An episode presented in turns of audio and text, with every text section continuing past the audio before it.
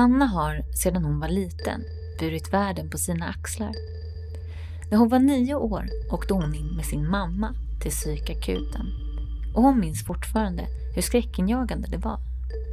Hon var barn, men inte en enda person talade med henne och frågade hur hon mådde. Många år senare kommer hon in på psykakuten igen. Denna gång med sin egen son. Anna växte upp med en pappa som var alkoholist och en mamma som hade ont i nerverna. Som äldsta barn tog hon på sig ansvaret både för sina systrar och för att se till att hennes mamma var glad. Hon önskade sig inget annat än en lycklig mamma. Hemma var det ofta bråk och Anna låg sömnlös om nätterna. Kuddarna var alltid blöta. Trots att det var hennes pappa som drack idoliserade hon honom. Hon var en pojkflicka och det enda hon lovade sig själv var att aldrig bli som sin mamma. Med tvillingsöner som tidigt agerade ut och var bråkiga visade det sig att det fanns mer bakom deras beteende. Anna tog på sig allt. Hon tänkte att det var hennes fel att de mådde så dåligt. När hennes ena son var sängliggande och isolerade sig bestämde hon sig för att en bra mamma uppoffrar sig. Och har man en son som mår dåligt ska man själv lida. Ju mer hon uppoffrade sig, desto mer tappade hon sin egen kraft och livslust. En dag gick det inte längre och Anna gick in i väggen. Hon hade ingen lust och inget eget liv. Hon som fanns till för alla andra kunde inte ens finnas där för sig själv. Men krisen blev vändningen. Hon hittade till ett självhjälpsprogram där hon började förstå något som hon egentligen alltid vetat. Det enda ens barn vill är att ha en lycklig mamma.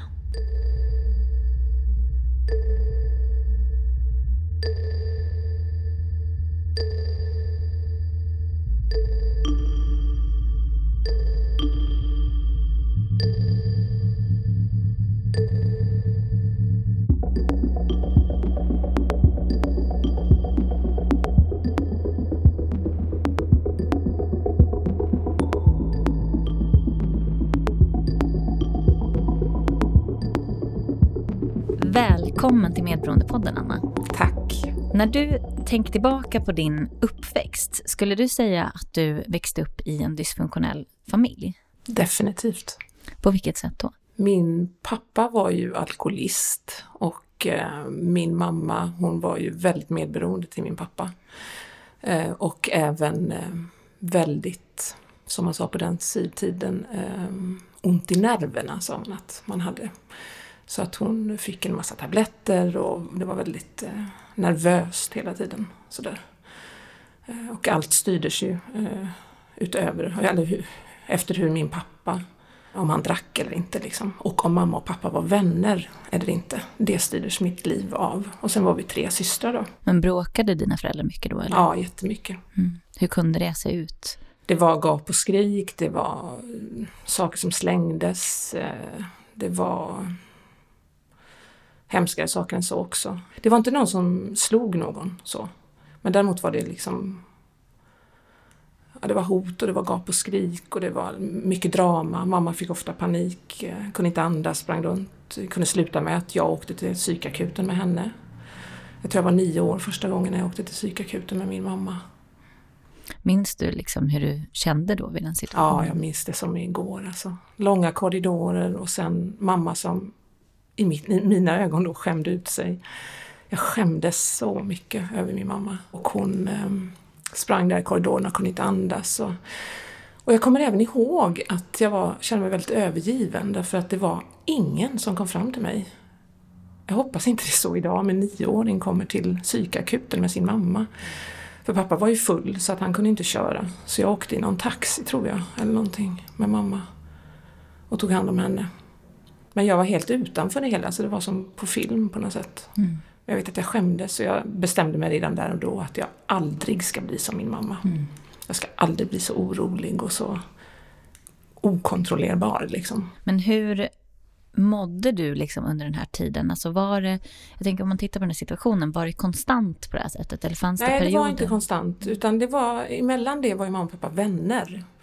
Och då var allt, då lekte livet liksom det är jättesorgligt men vi hade en dans, jag och mina systrar, när mina föräldrar blev vänner. Ofta var det sådär innan jul så kunde man aldrig veta om de kommer att bli vänner eller inte till jul. Så jul är väldigt så här jobbig, eller det är, det är en underbar tid men det är ändå en sån här tid då jag det är så förknippat med att allt måste vara fantastiskt därför att de var tvungna att bli vänner till jul och det kunde vara så här dagen innan så blev de vänner och då hade vi en dans där vi dansade. Vi tog varandra i händerna jag och mina systrar och så dansade vi runt i ring och så sa de, sjöng vi Nu är de vänner, nu är de vänner. Och då stod mamma och pappa och tittade på det och log. Det är ju jättehemskt men men då var det gulligt och då var allt, då var allt underbart när mamma och pappa var vänner. Då lekte livet liksom. Och sen kunde man aldrig veta när de blev. Det började alltid med att pappa kom hem och var full. Och mamma började gapa och skrika. Och först oro, först hängde vi i fönstren allihopa och tittade när pappa skulle komma hem och om han skulle köra full och sådär. Mm. Så att det var mycket en väntan. Medan det var underbart var det mycket väntan på när händer det igen? För det hände alltid igen. Det gick alltid upp och ner. Jag hittade faktiskt en, en, en, bok som jag hade en sommar där jag var ganska ensam. Jag har bland annat skrivit att jag inte har några kambrater. Mm. eh, och då är den fylld varje dag. Eh, då står det mamma och pappa vänner, mamma och pappa inte vänner. Alltså varje dag, det är det, nästan det enda jag har antecknat. Vad jag själv gjorde den sommaren, det vet jag inte. Men det var bara om de var vänner eller ovänner som styrde. Du nämnde att du hade systrar också. Mm. Vad var du i, i syskonskaret? Jag var stora syster mm. och så hade jag en mellansyster mm. och sen hade jag en, en lilla syster som vi oftast försökte skydda genom att inte väcka henne och så. Mm. Det, var, det var ju ynnesten när man inte blev väckt. Mm. Jag lyckades aldrig sova mig igenom det. Jag kommer ihåg att jag ofta somnade med, med kudden över huvudet, liksom över öronen. För det var någonting man gjorde, för man försökte först somna när man hörde bråk. Och jag kommer ihåg att kuddar var alltid våta av tårar liksom. Men hur var er relation då som, som systrar? Pratade ni någonting om det här? Ja, det pratades ju inte. Det var ju klassiska flodhästen i vardagsrummet. När pappa var nykter och dagen efter så pratade man ju aldrig om, om det som hade hänt. Och jag försökte alltid att, nej men nu börjar vi om från början. Nu kommer det alltid bli bra igen. Nu, nu kommer allt att förändras. Sådär. Pappa kommer. Och de gångerna eh, det överhuvudtaget pratades om det, då var det att pappa sa att ah, ska, han ska aldrig mer dricka. Om det hade varit något extra hemskt då.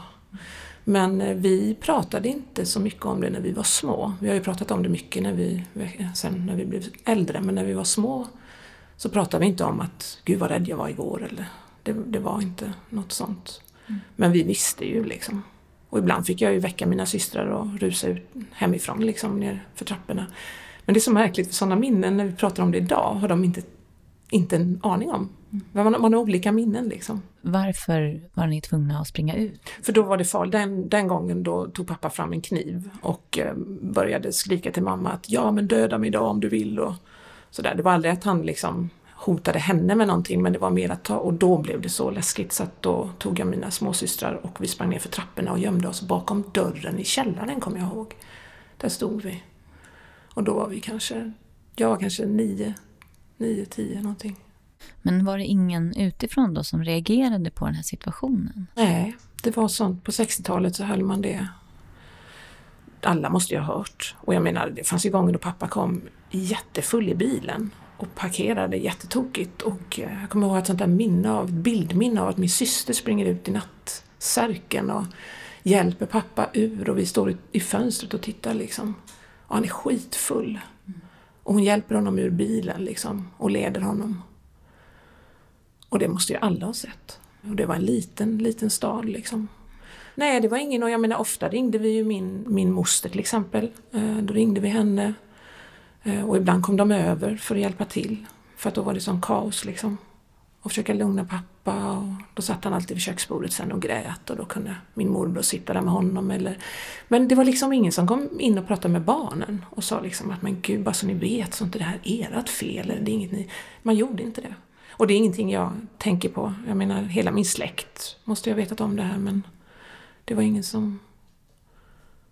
som eh, och, och, och emellan det, pappa var ju inte en sån alkoholist som inte gick till jobbet. Jag har aldrig sett min pappa ligga bakfull liksom. För då hade det ju på något sätt uppdagats att han hade ett problem. Utan han var ju uppe och jobba och aldrig sett honom ligga. Men hur såg det ut? Jag tänker då, fanns det någon, eh, något missbruk eller beroende tillbaka liksom i, i familjen, det vill säga släkten eller om det är mor eller farföräldrar eller någonting sånt? Nej, inte vad jag... Jag vet att min eh, mormor alltid låg och hade, mm, var sjuklig. Liksom. Hon hade diabetes och massa andra saker. Men jag tror att hon också hade ont i nerverna, som man sa på den tiden. Eh, för hon var alltid sjuklig. Och den där nervositeten växte min mamma upp i på något sätt. Eh, men eh, inte någon annan vad jag kan komma ihåg som har haft, och jag vet farmor och farfar, jag tror inte någon hade och, och, i min pappas familj, de var ju fem syskon, det var ju bara han som, som var alkoholiserad, som blev alkoholiserad. Men han drack ju inte varje dag. Mm. Utan, men det var ju det här att man visste ju aldrig. Jag vet en gång i en sån här underbart minne som jag har, då, då väntade vi alla i fönstren, jag och mamma och mina systrar. För att pappa var sen och då var han alltid, han var en sen så han alltid druckit. Uh, och sen kom han hem jättesent, 12 tror jag klockan var eller någonting. Och så hade han en massa äpplen med sig. Och så hade han jobbat över och så var han inte full. Och det är ett sånt här fantastiskt minne jag hade.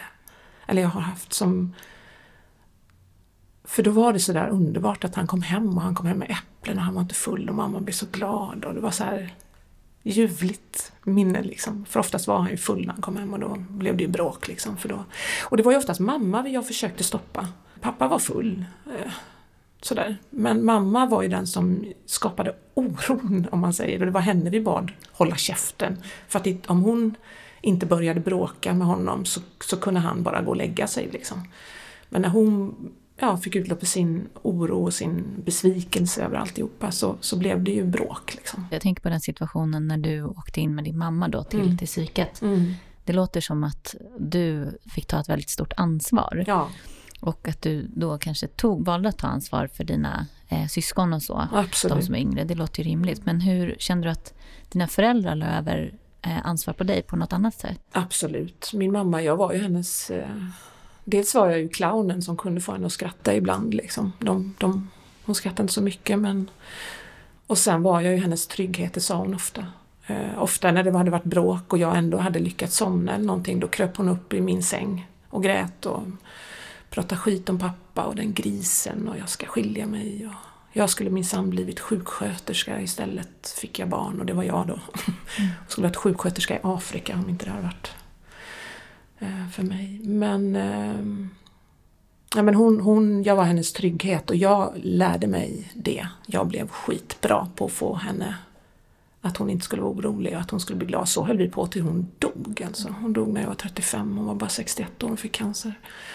Men jag ringde henne varje dag i stort sett och hon, dränerade ju mig. Jag vet en man som jag var tillsammans med då, han sa liksom varje gång du pratar med din mamma så är du helt slut. Mm. Och jag bara tyckte, men jag förstår inte.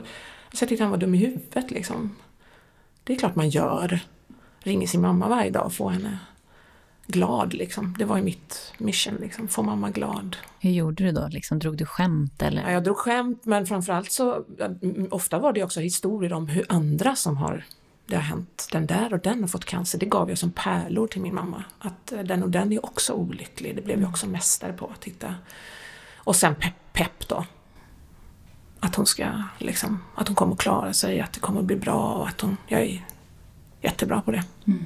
Jag tänker så här, i skolan då, bland vänner, nu pratade du om att ingen utifrån såg eller sa någonting, men pratade du med någon utanför? Inte när jag var liten och inte när jag började nog prata tror jag när jag blev eh, tonåring, upp i tonåren, senare tonåren.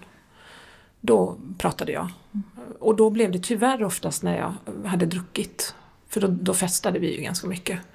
Och då kom det ut och då blev jag oftast jättefull och det blev jättedramatiskt och mina kompisar fick hämta mig och jag sprang in i skogen. Och då fick jag ur mig en massa liksom, oro och gråt och sådär.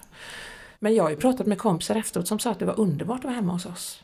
Det var alltid mysigt att sitta i min mammas kök och hon var alltid med och liksom alltid väldigt tillåtande liksom sådär och ville prata. Och och de, de märkte aldrig att pappa var full. Eller, det var ju liksom inte, han var ju inte full sådär så att det märktes heller eh, på dagarna och så utan det var ju liksom på kvällar och helger. Och han skulle ta sin grogg liksom. Och så gömde han ju alltid spriten. Han, och han gömde den ju liksom i mina gummistövlar. Och, så man fick gömma, gömma om så att inte mamma skulle hitta det då. Så att, och han gömde i mammas tvättkorg vet jag också. Det är så här, vill man bli på kommen eller mm. det var mamma som tvättade liksom.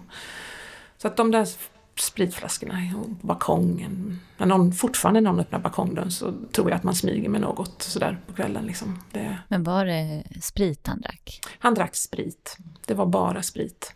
Eh, det var grogg. Tillbaka då till den här situationen när du då ändå berättade för Mm. dina vänner. Mm. Vad sa du då? Då sa jag att eh, jag vet, det var så skämmigt att pappa drack så jag tror det dröjde när jag sa att han drack. Det var att mamma och pappa bråkade. Det var mycket bråk hemma. Sen var jag ganska, jag hängde inte med i skolan överhuvudtaget. Jag var ju ofta uppe hela nätterna. Satt med pappa och han grät, han grät och grå, han, han grät över sin mamma ofta. Tyckte jättesynd om honom att hans mamma var död och han var en stor vuxen karl. Och mamma grät också väldigt ofta över sin mamma. Jag tror vi längtade efter mamma allihop. Jag längtade definitivt efter min mamma och mina föräldrar och de längtade efter sin mamma. Det var som att ingen var vuxen. Liksom. Men i skolan var jag ju, jag var ju clownen. Jag var ju den som var rolig och åkte ut. Och sen där utanför var det inte så kul. Liksom. Det kommer jag ihåg ofta, det var ju ganska ensamt. På vilket sätt åkte du ut? Nej men jag var jätterolig och, och stökig. Så jag, de, jag blev utslängd. Klassrummet? Ja, ofta tog jag på mig också och liksom stred för andra och sådär. Så åkte jag ut och ingen annan. Liksom. Mm. Så var det ofta. Fast det det inte var jag som hade ens börjat. Liksom. Varför tror du att du tog på den här roliga rollen liksom även i skolan? Överlevnad, endast. Jag var tvungen att hitta... Jag hade inte klarat skolan om inte jag hade försökt vara rolig. Jag var ju så trött. Det sa jag ju inte till någon. Jag sa ju inte till någon att jag har suttit uppe hela natten med min pappa. Liksom. Så jag kan inte riktigt koncentrera mig här. Men ändå kom jag ihåg, jag hade roligt, jag hade mycket kompisar och det var kul så. Liksom. Mycket bus, jag var rätt busig. Så. Nu pratade du lite grann om tonåren och sådär. mm. Och någonstans, du sätter ju ord på det att din pappa drack och att din mamma liksom Mm. Eh, hade ont i nerverna eller vad sa du? Ja. När började du förstå, alltså kunna sätta ord på de här sakerna själv? Alltså att din pappa då kanske hade problem med drickandet, att han kanske var alkoholist eller din mamma var... Eh, Det var den magiska åldern nio år. Vid nio år hände det jättemycket för mig för då insåg jag hur det var hemma. Eh, Vi flyttade dessutom från det här trygga stället vi bodde där. Det var massa barn vi kände och mycket släkt runt omkring. Och det var i samma stad men det var till ett, som till en månen vi flyttade. Och mamma var jätteolycklig och pappa förlorade sitt jobb och började dricka ännu mer. Så då, då gick det upp för mig att, att jag lever i en familj som har problem. För att det kom, har jag inga minnen av när jag var yngre. Liksom. Jag har, och det, det hittade jag faktiskt genom i terapi. För jag trodde att jag var förstörd från födseln ungefär, men jag hade jättefina år. Eh, Jag är ju äldst, jag hade ju två år innan min syrra kom. Liksom. Och jag kommer ihåg att jag var väldigt liksom, Mamma sa alltid det, du var ett väldigt glatt barn, du gick alltid nära alla andra barn och sådär. Lite, lite för nära för att du var så intresserad av alla och livet lekte liksom. Jag kommer ihåg det, att hela släkten, liksom, jag har en stor jättefin släkt. Eh, Så det var mycket, mycket kärlek. Liksom. Och det, det har det varit genom hela min, i min familj överlag ändå. Jättemycket kärlek. Jag fick jättemycket kärlek också av både min mamma och pappa. Fast på olika sätt såklart. Men vad gjorde det med dig? Jag menar, om jag relaterar till det själv, så när jag upplevde de perioderna när det var bra, så började jag också tvivla väldigt mycket på om jag hade inbillat mig Ja. det dåliga eller så. Ja. Hade du något liknande? Jag fick, jag fick ju tvångstankar för att eh, hålla kvar i det som är bra. Jag, hade ju, jag kommer ihåg att jag var sådär jag tänkte, jag när jag var 12 år så tänkte jag, gud tänk barn som bara går och lägger sig. För då hade jag mm, liksom en timma tror jag som jag höll på och fixade och grejade och trixade så att skosnörena skulle ligga ihop för annars skulle mamma och pappa bli ovänner igen. Eller det slutade med att jag la alla gosedjuren på mina armar så här så att jag låg som i ett kors och så skulle de ligga så att alla kunde andas. Och det är ganska svårt att somna då. Men jag vet att tanken slog mig att, att det här kanske inte... Jag vet jag skulle le mot en sån här liten gonk. Jag vet, det fanns såna här som man, man sydde gonkar, jag vet inte om det jag är gammal. Det var såna här små tygdockor. Och så skulle jag le mot den innan jag somnade och känna lycka. det var ju så här rätt mycket kramp liksom. Och tända och släcka 22 gånger vet jag. Och missade jag då så var jag tvungen att tända och släcka 22 gånger 2. Och så höll jag på sådär så jag hade jättemycket sådana i massor av år. Men det var också som ett sånt här litet skämt hemma. Det var Anna och hennes ex där. När du då kom upp i tonåren, du berättade, du sa där att du eh, festade och sådär. Hur blev det när du började träffa killar? Jag var livrädd för killar. Eller jag, för det första var jag ju en kille tills jag blev väldigt Ja, jag var en kille till jag var 15, 16 kanske. Pappa ville ju ha en pojk, så att jag var ju hans pojk. Så att jag gjorde ju allt som... Jag spelade fotboll, jag var jätteduktig i alla idrotter, jag var kortklippt, jag var... Lekte med bilar till pappas stora eh, stolthet. Eh, så att jag var ju kille. Eh, så det var ganska jobbigt för mig när jag började få bröst och såna här grejer när man skulle vara tjej liksom. Eh, det blev lite tilt i skallen där. Jag vet, jag ville inte vara det. Jag ville vara... Killarna började vilja att man skulle vara hemma och vara sån här squaw och laga mat i, när man, i tältet när man lekte indian och cowboy. Men jag var ju liksom apache Jag ville ju vara kille liksom. Mm. Eh, så att jag var, tyckte det var väldigt eh, konstigt med killar. Men jag var ju attraherad av killar när jag blev äldre. Och de killarna som gillade mig, det var ju sådana som gillade pojkflickor som man sa på den tiden. Vilda. Kan du minnas hur det var i din första relation? Ja, men jag blev tillsammans första gången med en, en kille som jag hade varit kär i jättelänge. Men det var att när han väl ville ha mig, för att han var tillsammans med andra och sådär, jag gick och trånade efter honom hur mycket som helst. Liksom. Och jag vet jag kunde få någon sån här kyss på någon fest fastän han var tillsammans med någon annan. Och jag, liksom, och jag grät och jag var helt förstörd. Och sen när jag väl fick honom så tror jag vi var tillsammans i en månad. Sen tyckte jag att han var en tönt. Sådär. Var det här ett mönster som du upprepade sen? Ja, eller ja... Jag hade min första, om man säger, som jag upplever som min första riktiga relation med en, en, en kille, då var jag 21 kanske, något sånt där. Det kan jag tänka på idag, att jag inte riktigt förstod hur fin han var. För att jag tyckte han var för tråkig och för vanlig. Jag ville ju ha liksom, det skulle hända något, alltså det skulle vara spännande, gärna bo i ett annat land, eller så svårt som möjligt, kan jag ju se idag. Det kunde jag inte se då. Men jag hittade ett kärleksbrev från honom som är helt fantastiska. Och vi sågs genom, vi, vi var dessutom um, vi var, um, vad var det man sa när man bytte blod? Man var blodsbröder var vi också. Och han älskade mig. Och i många år. Jag, vi blev tillsammans några gånger sådär. Jag tog liksom... Fast jag gjorde honom ganska illa tror jag. Eller jag vet att jag gjorde honom ganska illa. Hur länge var ni tillsammans? Eh, första gången var vi tillsammans kanske något år. Sen tyckte jag han var jättetråkig. Och sen blev han tillsammans med en annan. Då tyckte jag att han var lite intressant igen. Och så höll vi på blev vi lite tillsammans igen. Och så skickade jag av honom. Och sen typ var han tråkig igen och sådär. Han var inte djup nog och sådär. Jag ville ha någon djuping. Som... Mm. Jag ville ha någon som kunde rädda mig. Sådär. Fast han hade nog kunnat hjälpt mig men det fattade jag ju inte då. Det ser jag ju på de breven jag har fått. Jag vet han var nere och besökte mig i Lund när jag läste en dramateaterfilm där nere och festades. Alltså jag festade, festade, festade. Gud vad jag drack där. Jätteroliga år men gud vad jag festade. Och eh, han var nere och besökte mig. Jag vet han, och sen åkte han upp till fjällen och blev kock där uppe. Han sa kom hit upp till mig i fjällen. Vad håller du på med där nere? Du bara dricker och festar och liksom. Helt fantastiskt! Det var ju det. Det var ju räddningen på något sätt. Men jag, du vet, stod på borden och tjoa med fullt av kompisar runt omkring och jag tror inte någon... Allt jag ville var att bli räddad på något sätt. Ta ner mig från borden, bär bort mig härifrån. Men hade någon kommit fram och sagt men lilla gumman vad gör du här? Då hade jag bara tyckt han var tråkig. Du nämnde tidigare eh, att du verkligen inte ville bli som din mamma. Mm. Men det här med att din pappa drack, du hade aldrig några känslor att du var rädd att det skulle bli som honom när du drack? Nej. Alltså pappa var ju min lite av en idol. Han var ju ganska känd i den här stan. Han var väldigt duktig i fotboll och idrotter och han var liksom Mr den stan på något sätt. Mm. Eh, så att jag såg upp till min pappa väldigt mycket. Jag ville ju väldigt ofta vara med honom och sådär. Han eh, han kom och gick hela tiden så. Det märkte vi ju sen när mamma dog att han... För då var det bara han kvar och då hade vi liksom nästan ingen relation med honom för att det var mamma som styrde upp det där. Men han kom och gick, men han var alltid den man ville vara. Han var rolig att vara med, liksom, lekfull och... Men frånvarande? Men frånvarande. Mm.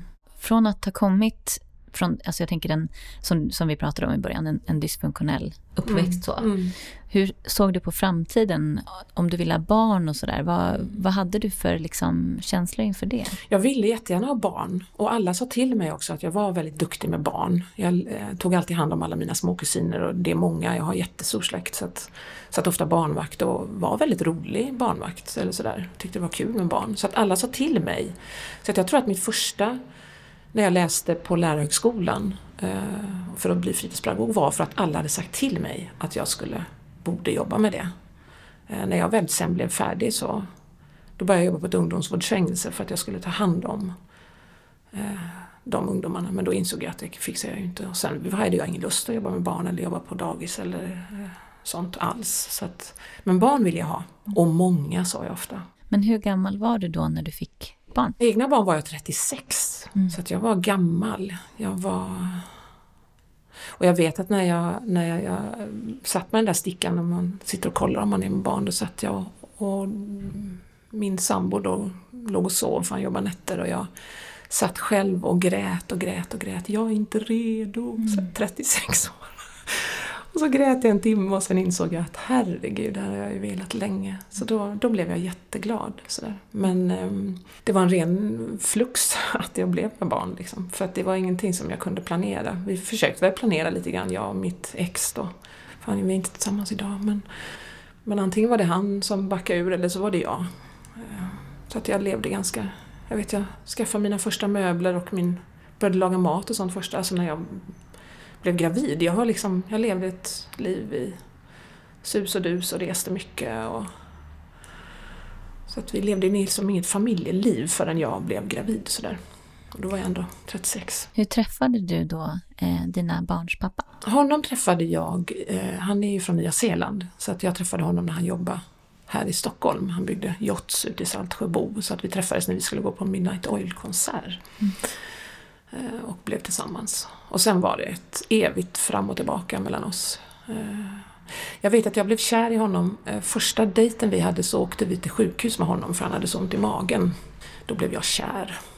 För då kände jag att här är någon jag kan ta hand om. Och han ville bli omhändertagen. Det var de där berömda bröllopsklockorna. Man tror det var bröllopsklockor men det är varningsklockor liksom.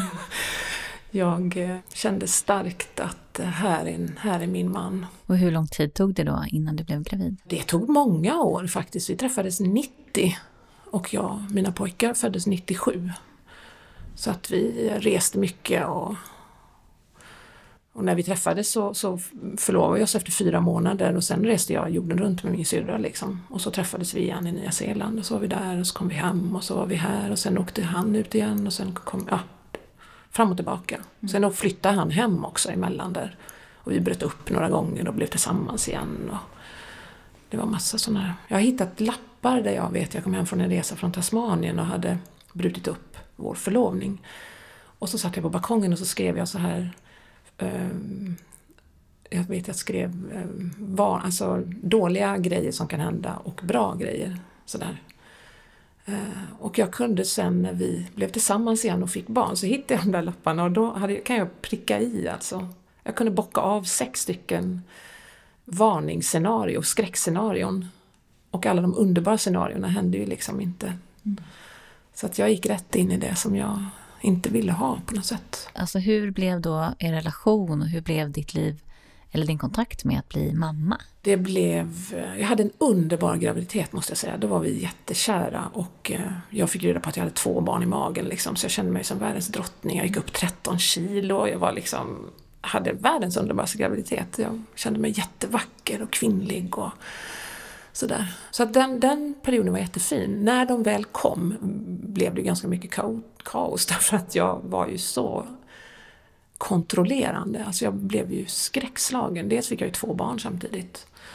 Och sen skulle jag styra upp mitt ex också då, eh, kände jag starkt. Var helt panikslagen. Jag vet, jag pratade med en gammal tant som såg vårt ettårskalas. Jag pratade med henne flera, flera år efteråt när vi hade brutit upp. Och då sa hon att jag satt och tittade på dig där. Och jag vet, jag blev så ledsen när jag hörde det. För hon sa, din man han satt och drack öl i lugn och ro. Och dina, dina barn kröp och sprang åt varsitt håll och du bara sprang och sprang och fixade åt alla och gjorde allt och, och herregud, orkar du det? Mm. Och jag kände att gud vad så höll jag på. Gud vad jag höll på. Jag skulle göra allting som alla gjorde som hade ett barn dessutom. Fast jag hade två. Jag menar man kan inte åka in till stan och dubbelamma när man liksom, på ett café när man har två barn. Men jag skulle liksom, jag vet jag gick på gympa. Alla hade ett barn och mina rullade åt varsitt håll liksom helt hysteriskt kan jag se. Mm. Så, här. Eh, så jag var väldigt rädd överhuvudtaget. Att de skulle dö och att det skulle hända något. Och... Mm. Men jag såg inte riktigt det. Så att jag blev väldigt så här, nu måste allting bli väldigt lyckligt också. Mm. För att det ska inte bli som det blev när jag växte upp. Mina barn ska inte få en orolig mamma. De ska inte vara mycket vad man inte ska få, inte så mycket vad man vad jag ville egentligen. Mm. Jag var bara det det inte får hända. Jag tänkte ingenting på mig själv. Jag satte mig själv fullständigt åt sidan. Jag vet en gång när jag tror de var sex år eller något så sa jag till min ena son att nej men nu orkar jag inte längre. Och då vände sig min son till mig och sa men mamma du blir ju aldrig trött. Jag tänkte jag, gud vad är det jag har förmedlat liksom. Så att jag var den där supermamman som... Men också väldigt roligt. Mm. Jag var en väldigt rolig mamma tror jag också. Jag var alltid uppe i parken och spelade basket. Jag var alltid med och det var alltid fullt av ungar hemma. Jag hade ju fritidsgård hemma. Mm. För det var ju många killar som inte mådde bra och då skulle jag ta hand om dem. Så de var hemma hos oss också. Och jag blev ensamstående när pojkarna var sju så att, och deras pappa flyttade ner till Skåne då så att jag var ju varit själv med dem. Men jag har liksom det har varit det där lite falska liksom, att man klarar allt och samtidigt går man runt och skriker att man inte orkar. Liksom. Det är rätt taskiga vibbar att ge barn. Liksom. Ja, det är min spontana känsla mm. är liksom, hur mådde mm. du det här? Hur, Nej, hur orkade jag du? Jag orkade ju inte. Nej. Och det sa jag ju en miljon gånger till mig själv. Nu orkar jag snart inte längre. Men det fanns ju inte att ge upp. Och jag var väldigt ensam i, med mina barn. Jag hade liksom ingen, ingen hjälp. Min mamma hade dött ett år innan jag fick barn. Och eh, Mitt ex föräldrar bodde på Nya Zeeland och vi hade ju liksom inga, pappa var nere där neråt Göteborgstrakten. Och, mm. och eh, nej men jag var, jag var själv med pojkarna liksom. Senare blev det ju så att en av dina söner började må eh, mm. dåligt mm, psykiskt. Mm, mm.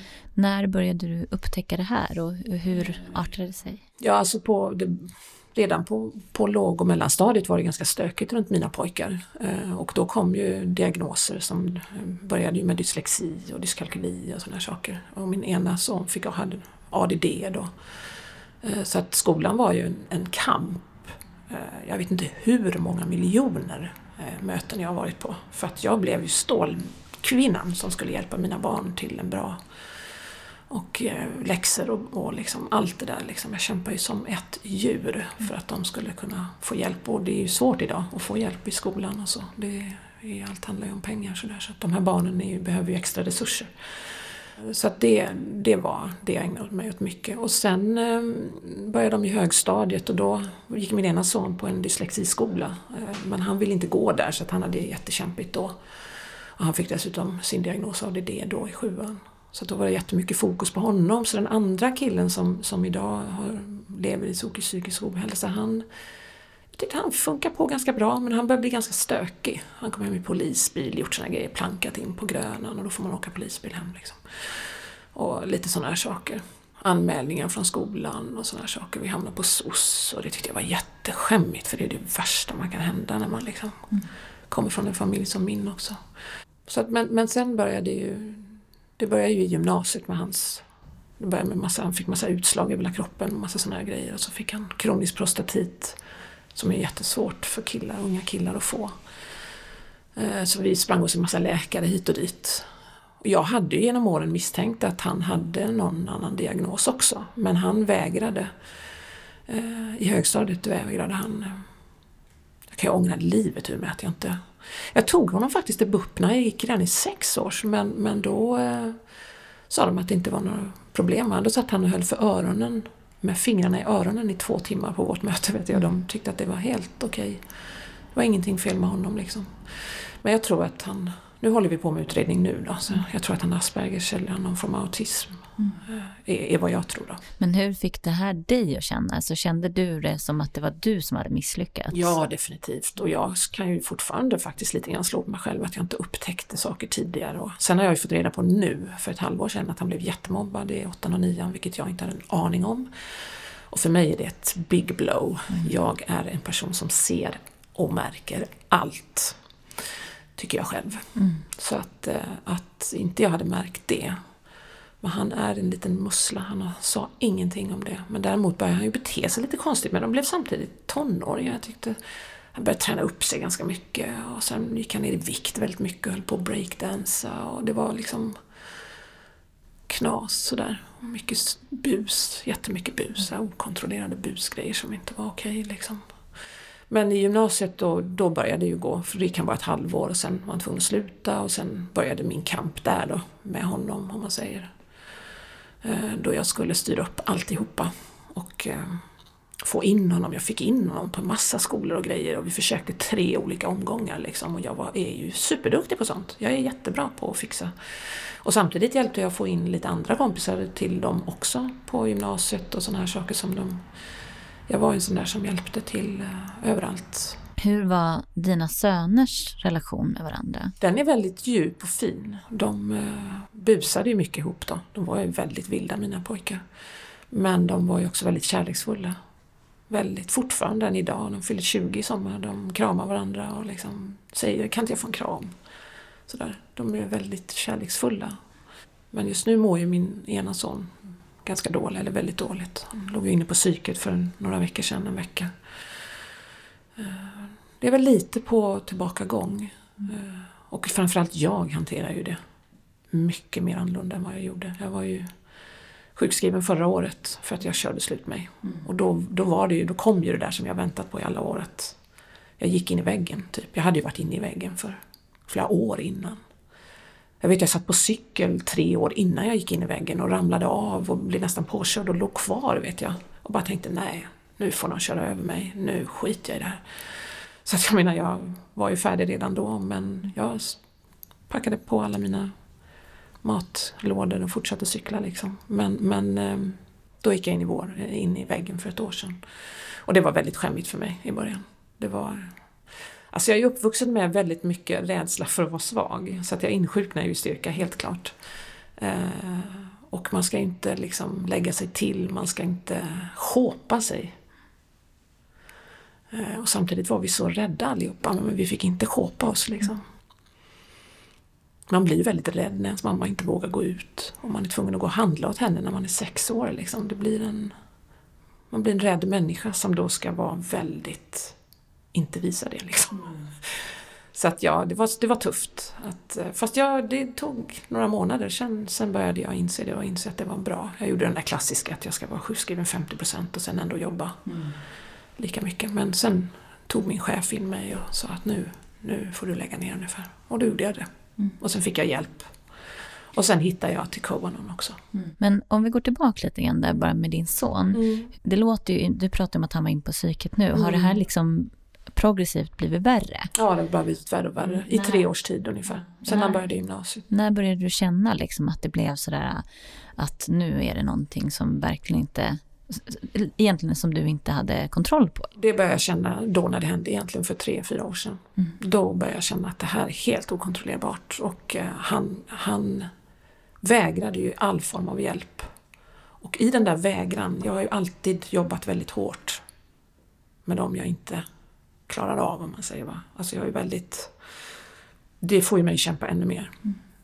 Så att det triggade ju allt mitt eh, kontrollerande att han inte ville samarbeta. Mm. Han vägrade psykologisk hjälp, han vägrade tabletter, antidepressiva, han vägrade all form av att det hade överhuvudtaget med honom själv att göra. Utan mm. allt var andra, andra människors fel. Och samtidigt bar han ju på allting som han hade blivit mobbad för, allt som han... Alla tokiga tankar han hade.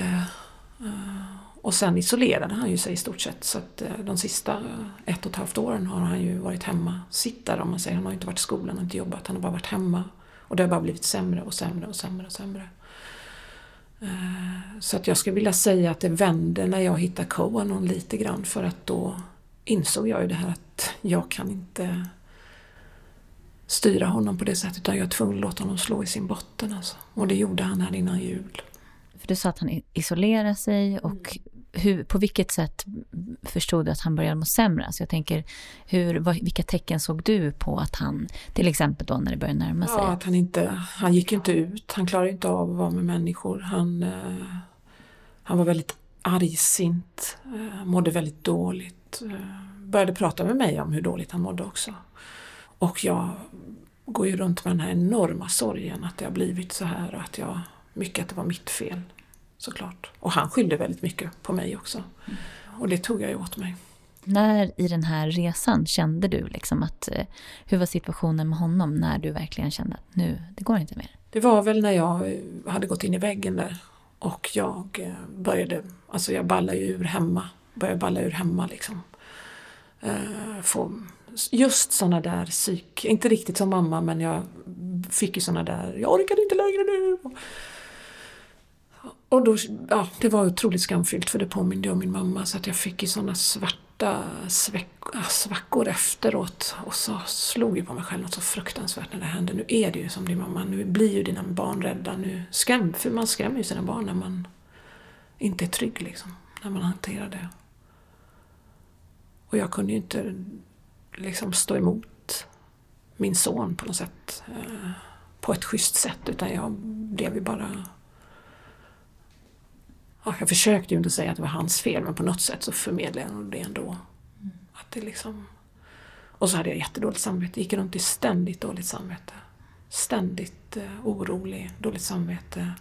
Tyckte synd om sorg, tyckte synd om mig själv. Oj vad det var synd om mig.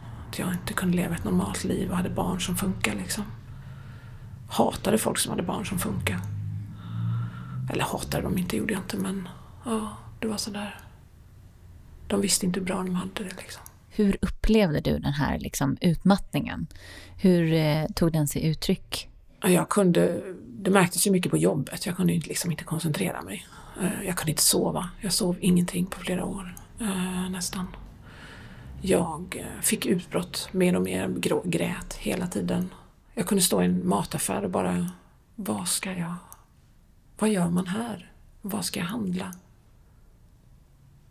fick så där, kunde stå i en hiss och bara, vart är jag på väg? Är det morgon, kväll? Eh, ska jag upp till jobbet eller ner eller vad är jag?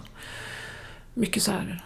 Och, och framförallt var det läskigt när jag skulle sova därför att då började hjärnan skicka ut massa bilder bara. Och då förstod jag att det här är helt okontrollerat, jag kan inte styra över det här.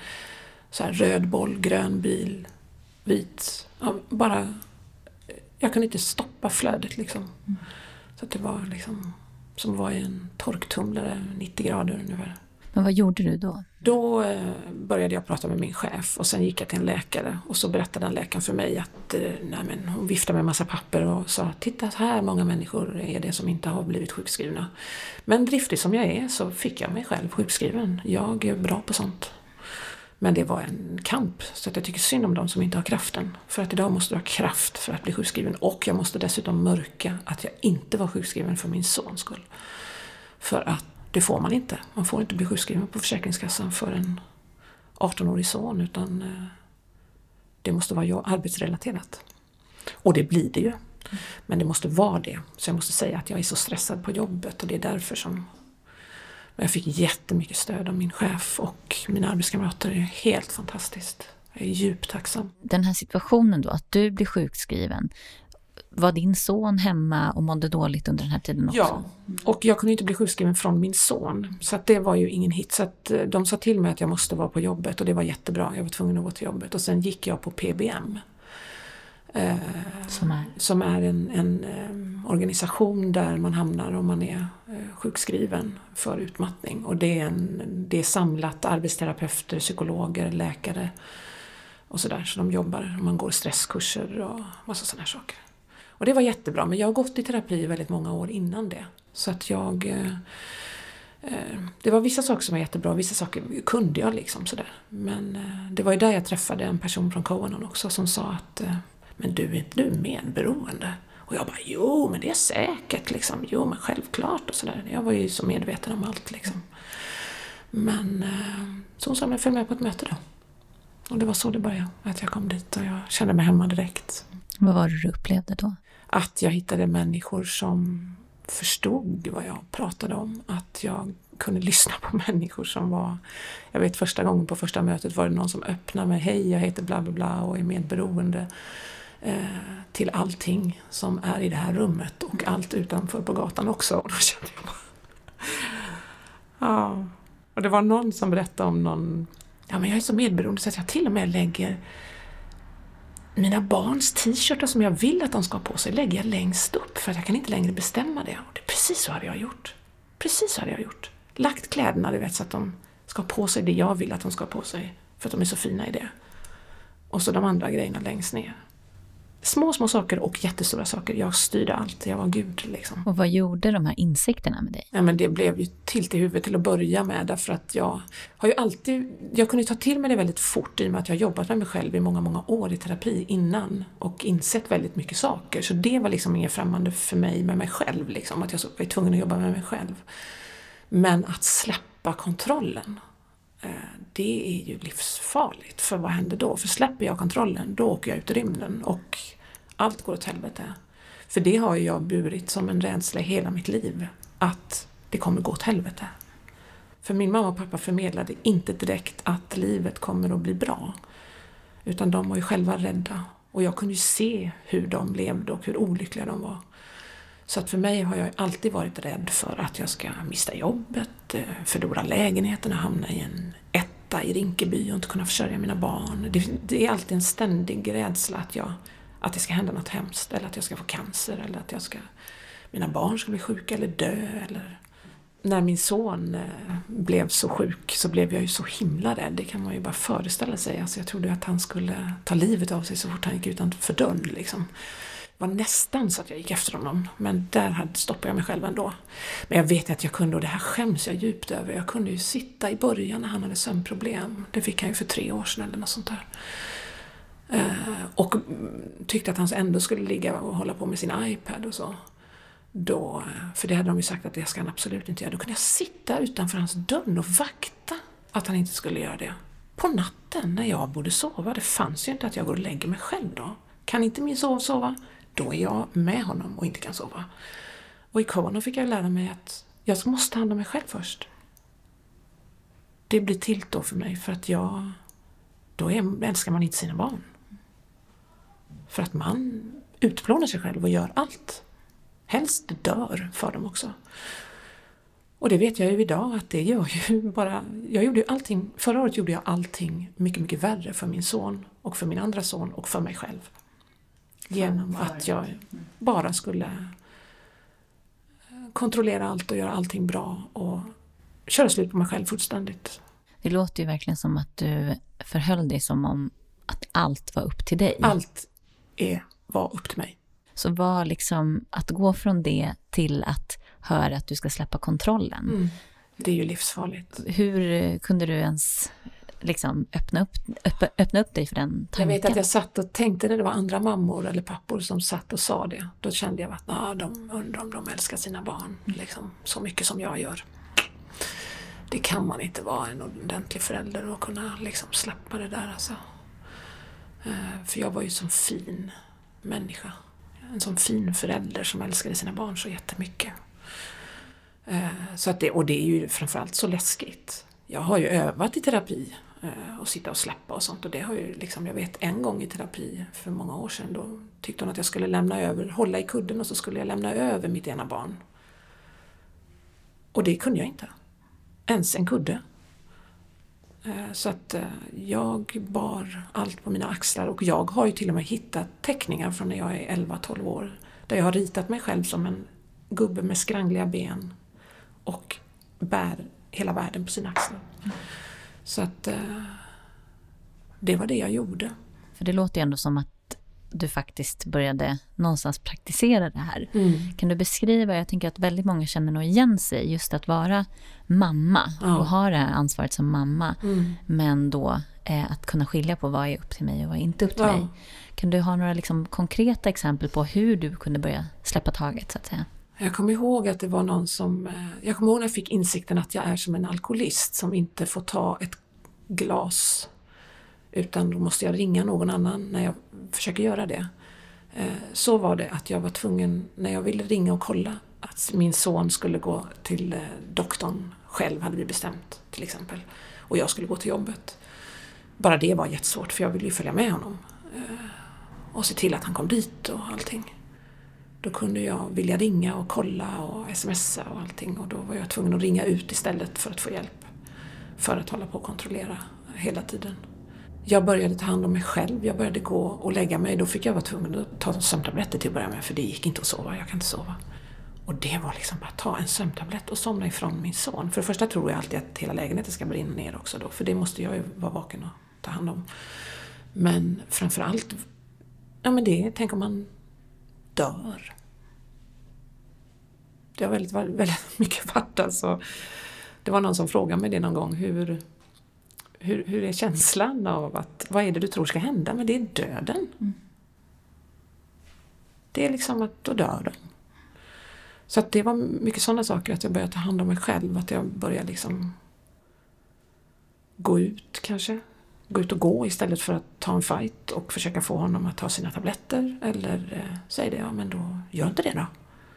Och gå därifrån. Det är fortfarande jättejobbigt. Och vad hände då med honom? Uppenbarligen så Han blev jättearg. Mm. För att du är ingen mamma mer, sa han till mig. Eh, och det tyckte jag var jättejobbigt att höra.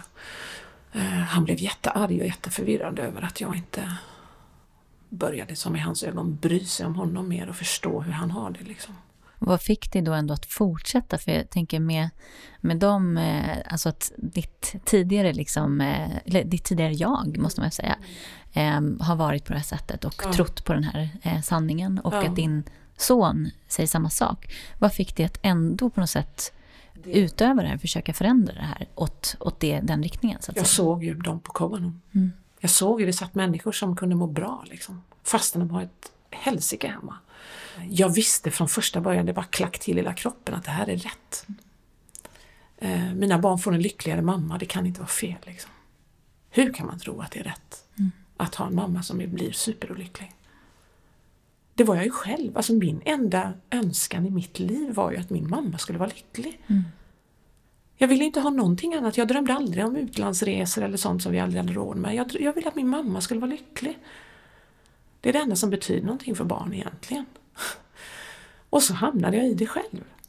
Att jag blev den här olyckliga mamman. Så ju lyckligare mamma jag blir, ju mer saker jag gör för mig själv, ju bättre mår ju mina pojkar. Hur kan jag, hur kan jag ens ha trott något annat? Så det vet jag är rätt väg. Jag känner det, jag, jag ser ju ljuset idag. Jag kan ju, jag kan ju, fastän jag har det jobbigt hemma så kan jag till exempel, jag kan vara jätteolycklig och orolig. Men jag kan gå iväg på ett möte eller träffa någon och då kan jag i mellanrummen må bra. Vilket var en synd för mig förut. Mm. Jag kunde inte ens tillåta mig ens om jag skulle kunna försöka mig på att må bra emellan. För det gör man inte om man har ett barn som mår dåligt. Då mår man dåligt själv. Det är fint liksom, mm. på något sätt.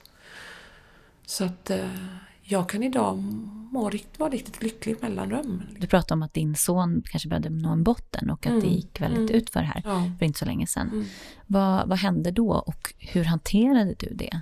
Eh, han slog ju botten innan jul.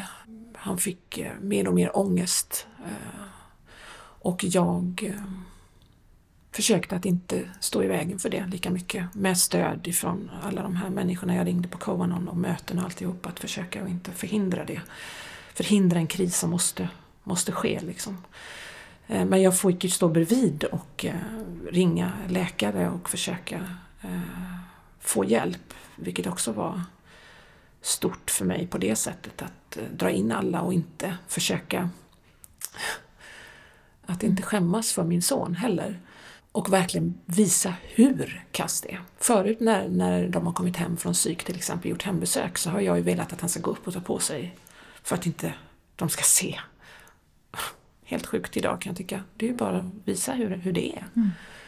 Och när de börjar, då börjar de reagera också. Så att eh, till slut blev han ju tvångsintagen på psyk. Och det var hemskt såklart. Hur vill du beskriva situationen? när det hände? Ja, alltså han fick ju, dels hade han börjat några veckor innan och ta, gå med på att ta, för vi hade varit på eh, en, en psykmottagning innan Eh, och då gick han faktiskt med på att bli inlagd. Då var han helt slut och han gick med på att bli inlagd. Och det är lite sorgligt för att då åkte vi dit och trodde vi skulle få hjälp och hamnade på gökbot ungefär. Det var en fruktansvärd eh, avdelning kan jag känna. Det var gap och skrik, folk bara skrek. Ingen tog hand om oss när vi kom, ingen visste vem vi var. Eh, och min syster var med där för att hjälpa till och vi bara kände det båda två att här kan vi aldrig lämna honom alltså. Och han sa med en gång så här sjuk inte jag, det här går jag inte med på. Och han var ju då frivilligt så att då fick han ju åka hem och då åkte vi hem igen. Fast han var jättesjuk då. Men då gick han med på att ta psykofarmaka. Men så är det ju inställningar på de där. Så att han fick ju efter några veckor jättekonstiga reaktioner som han blev jättekonstig började bli mer och mer hotfull. Eh, gick snitslade barnen hemma. Eh, fick för sig en massa konstiga saker. Och då fick jag faktiskt ett litet dipp igen i min, mitt, mitt medberoende och började gå med på en massa saker. Att han skulle, jag skulle krama honom och sen skulle han gå in på toaletten och titta sig i spegeln och sen skulle han gå in i köket och sen skulle han komma till mig och krama honom och sen skulle, och sen kände jag bara nej, nej, nej, jag kan inte hålla på så här längre. Så då ringde jag dem på psyk igen och de kom faktiskt och då blev han tvångsintagen och då blev jag jätterädd. Och det blev jättejobbigt för att han, det blev handräckning för att han vågade inte gå ut. Tabletterna hade snedtänt så, så att han vågade inte gå ut. Så att han var så rädd så att han skrek bara. Så att det fick kom fem stora poliser och ja, grannarna stod och tittade på gatan och det var liksom en hemsk upplevelse. Jag har inte riktigt bearbetat den ännu faktiskt. Det var inte så många veckor sedan, någon månad sedan. Eh, och hans bror var ju tvungen att se det och tyckte det var jättepinsamt och allting. Men eh, vi blev körda dit i varsin polisbil då. Så kände jag nu har vi nått botten den här familjen överhuvudtaget. Liksom. Men vi hamnade, jag satt och bad till min högre makt i bilen dit in. Och eh, vi hamnade på en jättefin avdelning. Som var några dörrar bort från den andra kaosavdelningen. Men det var jätte, vi blev jättefint omhändertagna. Jag kände dessutom igen någon eh, som kom in som var från Kobanon. som eh, sa att jag ska ta hand om din son här i helgen för jag jobbar i helgen.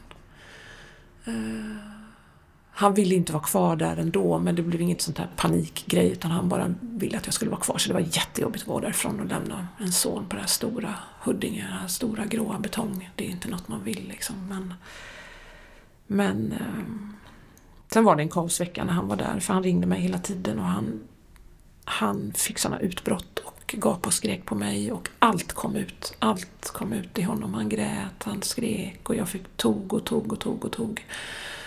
Eh, Men jag tror att det var bra att jag kunde det. Hur, alltså den här situationen låter ju liksom vedervärdig och Mm. du som på något sätt har börjat släppa taget Mm. och eh, det måste ju ha kommit upp rädslor Ja, i dig då när du gjorde det jätterädd, här. Jätterädd. Att det här är ju säkerligen en situation som många känner igen sig i. Mm. Hur kan man, liksom, av dina erfarenheter nu, hur kan man ta hand om sig själv? Hur kan man prioritera sig själv och släppa taget? Jag, jag vet inte hur man kan det. Jag vet bara att efter jag har gått på Kobanon i ett år nu så kan jag det. Eh, jag kan inte alltid det och det är inte alltid eh, liksom, men eh, ofta kan jag det. Och jag har ett ljus och ett hopp. Och eh, jag vet att jag går på rätt väg fastän jag är rädd. Jag är inte rädslostyrd längre. Jag är fortfarande en rädd människa men jag försöker lämna över den rädslan till min högre makt och jag låter mig inte styras av den rädslan längre på samma sätt. Det har skett någon magi där faktiskt på något sätt att jag jag hanterar det annorlunda. Hur ser situationen ut nu med din son och hemma hos? Eh, han kom ju hem då. Det har blivit långsamt bättre. Det mest akuta är borta. Vi har ju gått i en akut situation i två och ett halvt, en två och en halv månad så vi var ju ganska slut båda två. Så nu går vi på en utredning. Vilket är, ska få reda på det om någon månad, vad han har liksom. Han är fortfarande en utmaning, min gode son. Han är väldigt, eh, vill göra på sitt eget sätt. Men eh, i morse innan jag gick hit till exempel så gjorde vi yoga tillsammans och dansade i rummet. Eh, Det hade vi, har vi aldrig kunnat gjort på det sättet. Eh, Han eh, kan säga saker till mig som han aldrig har sagt förut. Liksom. Han tar ansvar över sig själv på ett sätt som han aldrig har gjort. Vad säger han till dig? Här kommer det helt blankt. Men det är fina saker. Liksom. Mm, jättefina saker. Och kloka saker. Otroligt insiktsfulla saker som jag kan känna att han, han är insiktsfull på ett sätt nu som han, han aldrig har varit. Liksom. Han kan säga att han, eh, att han också tror på en högre makt och att han... Ja, jag kommer inte riktigt ihåg. Mm. Men hur ser du nu på framtiden då? Jag tänker också både liksom situationen som ni är i men också din, ditt mående och sådär. Mm, mm. Jag har ju en utmaning framför mig nu att eh, släppa mer och mer. Eh, för att jag eh, måste ta hand om mig själv mera. Det har ju varit svårt fortfarande för att min son har ju fortfarande inte kunnat vara hemma själv. Och jag har bråkat mig till lite hjälp av SOS från ett boendestödjare som kommer några dagar i veckan, en och en halv timme, två gånger i veckan. Så jag har fått åka hem från jobbet mycket och sådär. Men eh, jag har bestämt mig mer och mer att inte göra det. Mm. Att inte möta honom där i hans rädsla. Så att jag ser ganska ljus på framtiden ändå. Mm. Jag har en ganska ljus person i mig från när jag var liten som jag kommer i kontakt med. Som är ganska glad skit alltså egentligen. Ovanf- under allt det där liksom sorgen och allt som ligger. Eh, Så jag har tillförsikt. Jag kan fortfarande känna rädsla ibland att gud, undrar om någon kommer han någonsin att må bättre eller men han har också en väldigt stark känsla om att han kommer att må bättre. Så att, eh, här avslutande då. Jag tänker att min sådär känsla när jag lyssnat på dig är också att du fortsätter att släppa taget. Mm. Ser du liksom att det blir positiva eh, resultat eller vad man ska säga, av det? absolut. Inte alltid, för ibland blir Mm. det ju just den här reaktionen som jag är rädd för att jag ska vara mamman som inte Mm. bryr sig. Men eh, jag har ju också tvingat honom så att han har börjat ta kontakt. Alltså han, min pappa och han har ju börjat prata med varandra i telefon till exempel. Min pappa har aldrig varit där riktigt. För, inte för mina barn och inte riktigt för mig heller. Men helt plötsligt har han och, och min son börjat prata med varandra. Liksom. Mm. Och det är ett val som han själv har gjort. Min, min son, att han ville ringa sin morfar. De har liksom inte setts på flera år. Så att jag, ja det där. Och jag går ju fortfarande, jag behöver ju eh, behöver ju mina mallar att gå efter om man säger. Jag behöver mina, jag behöver styras upp helt enkelt. Eh, För att det här medberoendet är lömskt. Och det har legat i mig sedan jag föddes ungefär. Mm. Så att eh, det ligger i mig att jag...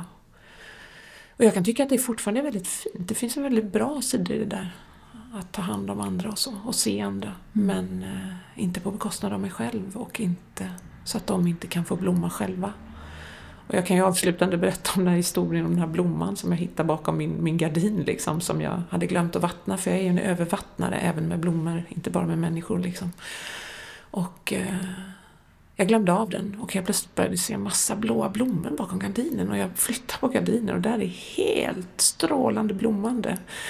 Så att eh, min son kan också börja blomma på det där om jag bara låter honom få gå sin väg. Liksom. Jag tror vi låter det bli sista ordet. Mm. Tusen tack Anna. Tack själv, tack. Vill du veta mer om medberoende och var du kan vända dig kan du gå in på vår hemsida www.medberoendepodden.se. Där finns en lista på olika självhjälpsgrupper men också på vilken professionell hjälp som finns att få. Du får hemskt gärna gå in och betygsätta oss via iTunes. Det är ett sätt att göra oss mer synliga och få fler att hitta till Medberoendepodden. I sociala medier heter vi Medberoendepodden. Följ oss där.